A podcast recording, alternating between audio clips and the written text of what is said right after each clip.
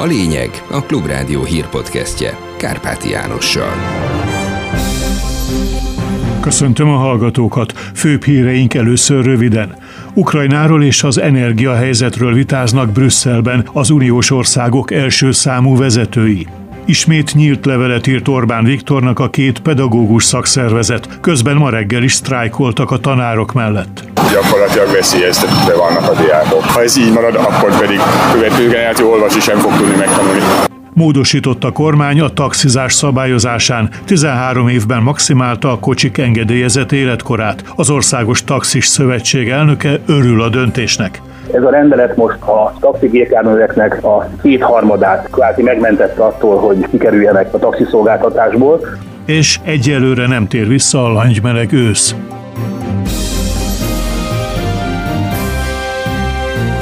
És most a részletek. Legyen-e sapka a gáz árán, vagyis maximálják-e EU szinten ennek az energiahordozónak az árát? Erről egyelőre nincs egyetértés. Sokan élükön a németekkel, köztük például a magyarokkal, ellenzik. A franciák, olaszok és spanyolok viszont pártolnák a gondolatot. Alternatív javaslat lenne az egységes európai gázbeszerzési rendszer megteremtése, ami szintén nehezítené az egyes tagországok külön útjait. Az uniós tagállamok vezetőinek testülete, az Európai Tanács csütörtök pénteki brüsszeli ülésén Ukrajnáról, az energiaügyről, gazdasági kérdésekről és a külkapcsolatokról tart megbeszélést. A csúcsvezetők az előzetes közlemény szerint áttekintik az energiaárakkal és az ellátás biztonságával kapcsolatos helyzetet. Nem tartja helyén valónak az Európai Bizottság a szankció ellenes magyar kormányzati plakátkampányt, különösen úgy, hogy a döntéseket Orbánék is megszavazták. Brüsszel szerint a szankciók helyes célt szolgálnak, és meg is van a hatásuk, arra Tólászló tudósít Brüsszelből. Az Európai Bizottság ismeri az uniós szankciókról szóló magyar nemzeti konzultációt és az azt kísérő a szankciókat bombaként ábrázoló plakátkampány képét is. A testület szóvivője arra hívta fel a figyelmet, hogy a magyar kormány eddig mind az öt szankciós csomagot támogatta, és ezeknek éppen az volt a céljuk, hogy nyomást gyakoroljanak Moszkvára. Frankly, it is inappropriate to show pictures of bombs or of missiles in relation. Őszintén szóval nem helyén való bombákról vagy rakétákról készült képeket mutatni a szankciókkal kapcsolatban. Gondoljunk arra, hogy a szankciók célja éppen az, hogy megakadályozzák a bombák Ukrajnára hullását, mondta Dana Spinant szóvivő. Az Európai Bizottság szerint adatok és tanulmányok bizonyítják, hogy az EU-s szankciók mélyen érintik az orosz gazdaságot. Oroszország GDP-je ebben az évben várhatóan 11%-kal csökken, az EU-é pedig, ha minimális mértékben is, de növekszik. Az orosz 22%-os infláció éppen a duplája az európai átlagnak, Ismét nyílt levélben szólította fel a pedagógusok szakszervezete és a pedagógusok demokratikus szakszervezete Orbán Viktort a sztrájkbizottság ülésének mielőbbi összehívására, mert a korábbi levelükre nem kaptak választ, holott a sztrájk törvény a feleknek együttműködési kötelezettséget ír elő. Álláspontjuk szerint ezt a kormányoldal megsérti, mivel hónapokig nem hajlandó a határozatlan idejű sztrájk alatt a szakszervezetekkel egyeztetni. Maruzsa Zoltán köznevelésért felelős államtitkár a PDS szerint augusztus 30-án azt ígérte a szakszervezetnek, hogy amennyiben Brüsszelből válasz érkezik, azonnali egyeztetést kezdeményez. Ez azonban nem történt meg. Csütörtök reggel forgalomlassító demonstrációt tartott a PDS Pesterzsébeten. Többen kockásingben vagy fekete ruhában érkeztek. Néhányan transzparensekkel hívták fel a figyelmet a köznevelési intézmények, a diákok, pedagógusok és oktatást segítő munkatársak tarthatatlan helyzetére. A békésen tüntető diákok, tanárok és szolidaritást vállaló szimpatizánsok két forgalmi sávot foglaltak el. Ekközben a diákok által hangos bemondóba mondott tiltakozó rigmusokat a tömeg skandálta. Az aszfaltra pedig krétával rajzoltak, írtak a közoktatás helyzetéhez kapcsolódó üzeneteket. Bodnár Barna a helyszínen beszélgetett néhány résztvevővel. Amiért itt vagyok, az a szolidaritás elsősorban a közoktatásban dolgozó kollégánkkal, akiknek a helyzetét látom, és tarthatatlan van. Ismerek olyan tantestületet, ahol több mint 10 tanár hiányzik ma már, és ez Budapesthez közel van, gyakorlatilag veszélyeztetve vannak a diákok, az ő tanulásuk nincs biztosítva már ma sem. Ha ez így marad, akkor pedig követő generáció olvasni sem fog tudni megtanulni. Időről időre felmerül az a kérdés, hogy miért nincs több pedagógus az utcákon pedagógus, aki nem áll be az ügy mögé, vagy nem jelenik meg a demonstráción, annak mi az elsődleges oka?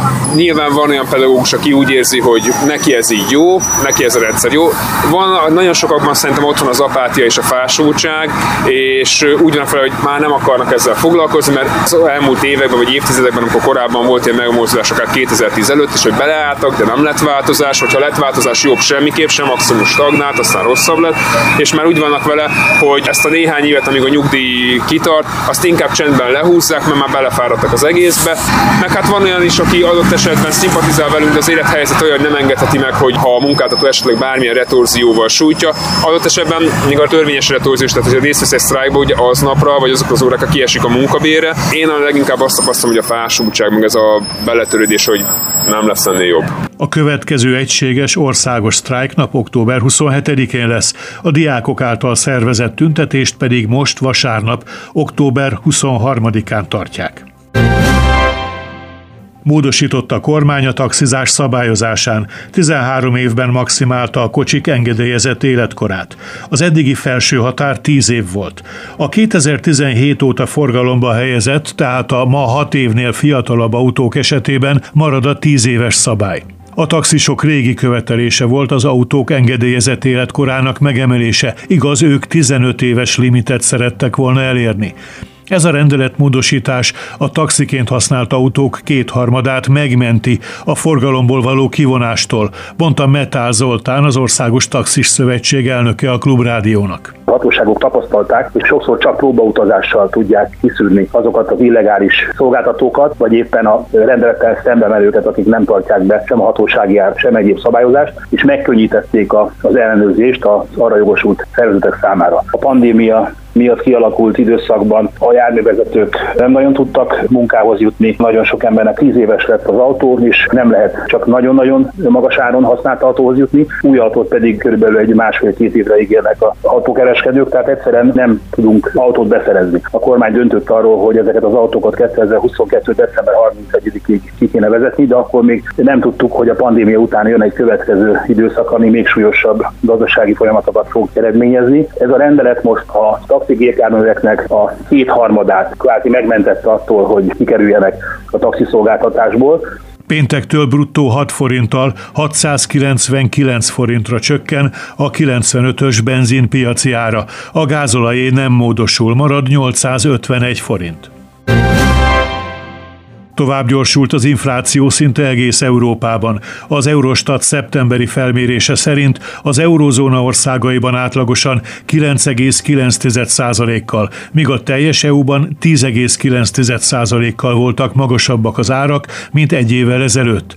A KSH adatai szerint szeptemberben idehaza 20,1%-kal voltak magasabbak a fogyasztói árak. Az uniós statisztikai hivatal viszont már 20,7% százalékos áremelkedést mért Magyarországon is. A magyar a negyedik legmagasabb árindex az EU-ban, a három balti országban volt a legmagasabb az infláció szeptemberben. Az Eurostat szerint ide-haza az árhullám jövő év első hónapjaiban tetőzik 21-24 százalékon.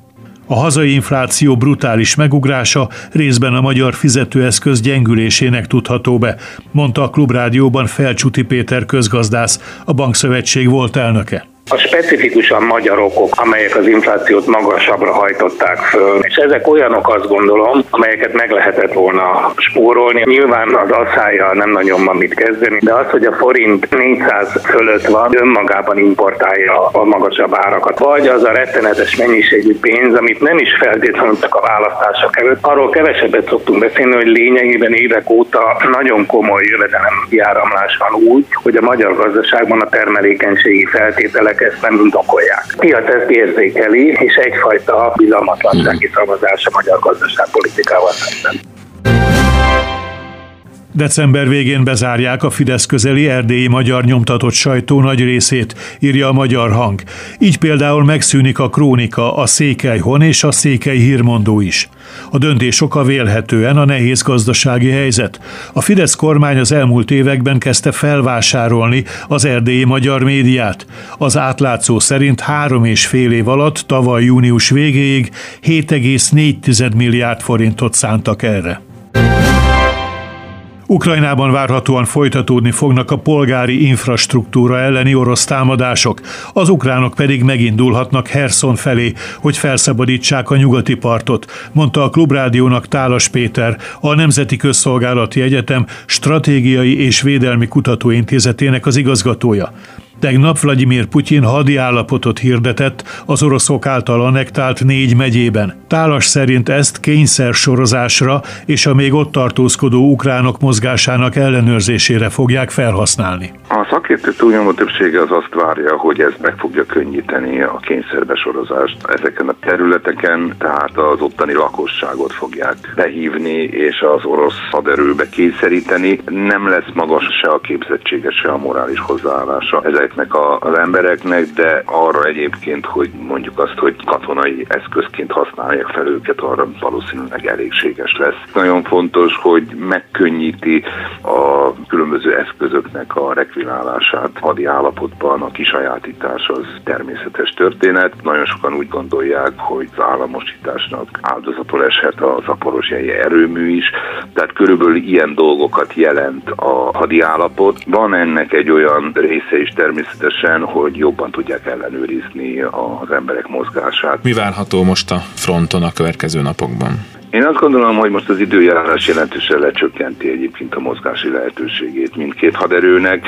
Ennek ellenére a szakértők jelentős része azt mondja, hogy az látszik, hogy az ukránok készülnek Herson nyugati részének, tehát a nyugati partnak a felszabadítására.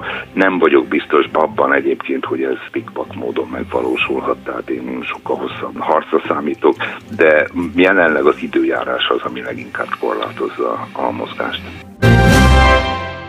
Németország minden eszközzel rendületlenül támogatni fogja Ukrajnát, és kitart az Oroszország elleni szankciók mellett, szögezte le ismét Scholz német kancellár a Bundestagban tett kormánynyilatkozatában. Nemes Gábor tudósítása.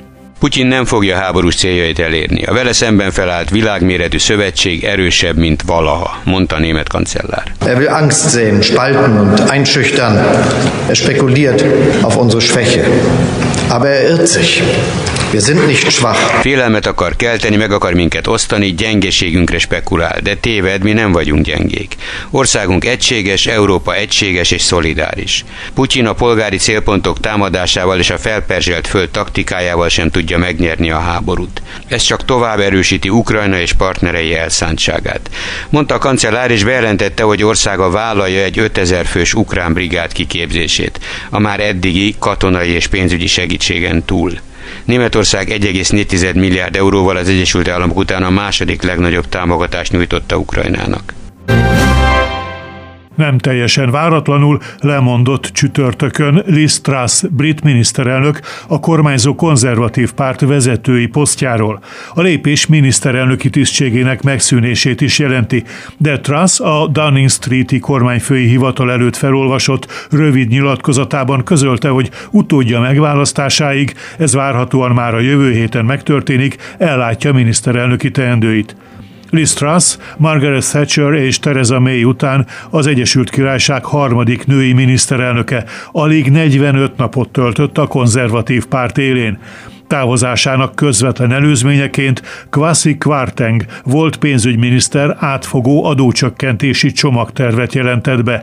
Ezt azonban példátlan, soron kívüli jegybanki intervenciót is igénylő piaci felfordulás követte, mivel a piaci szereplők nem látták biztosítottnak a 45 milliárd font értékű program finanszírozhatóságát. Végül az időjárásról. A csütörtök hátralevő részében döntően derült napos idő várható. A legalacsonyabb éjszakai hőmérséklet a Dunántúlon többnyire 2 és 7, míg keletebbre 0 és mínusz 4 fok között alakul. Pénteken a nap első felében fátyol felhős idő lesz, szűrt napsütéssel. Délutántól helyenként már elkezd vastagodni a felhőzet. Számottevő csapadék nem valószínű. A legmagasabb nappali hőmérséklet pénteken 12 és 19 fok között várható. Északkeleten lesz a hűvösebb. Ez volt a lényeg. A Klubrádió hírpodcastjét hallották.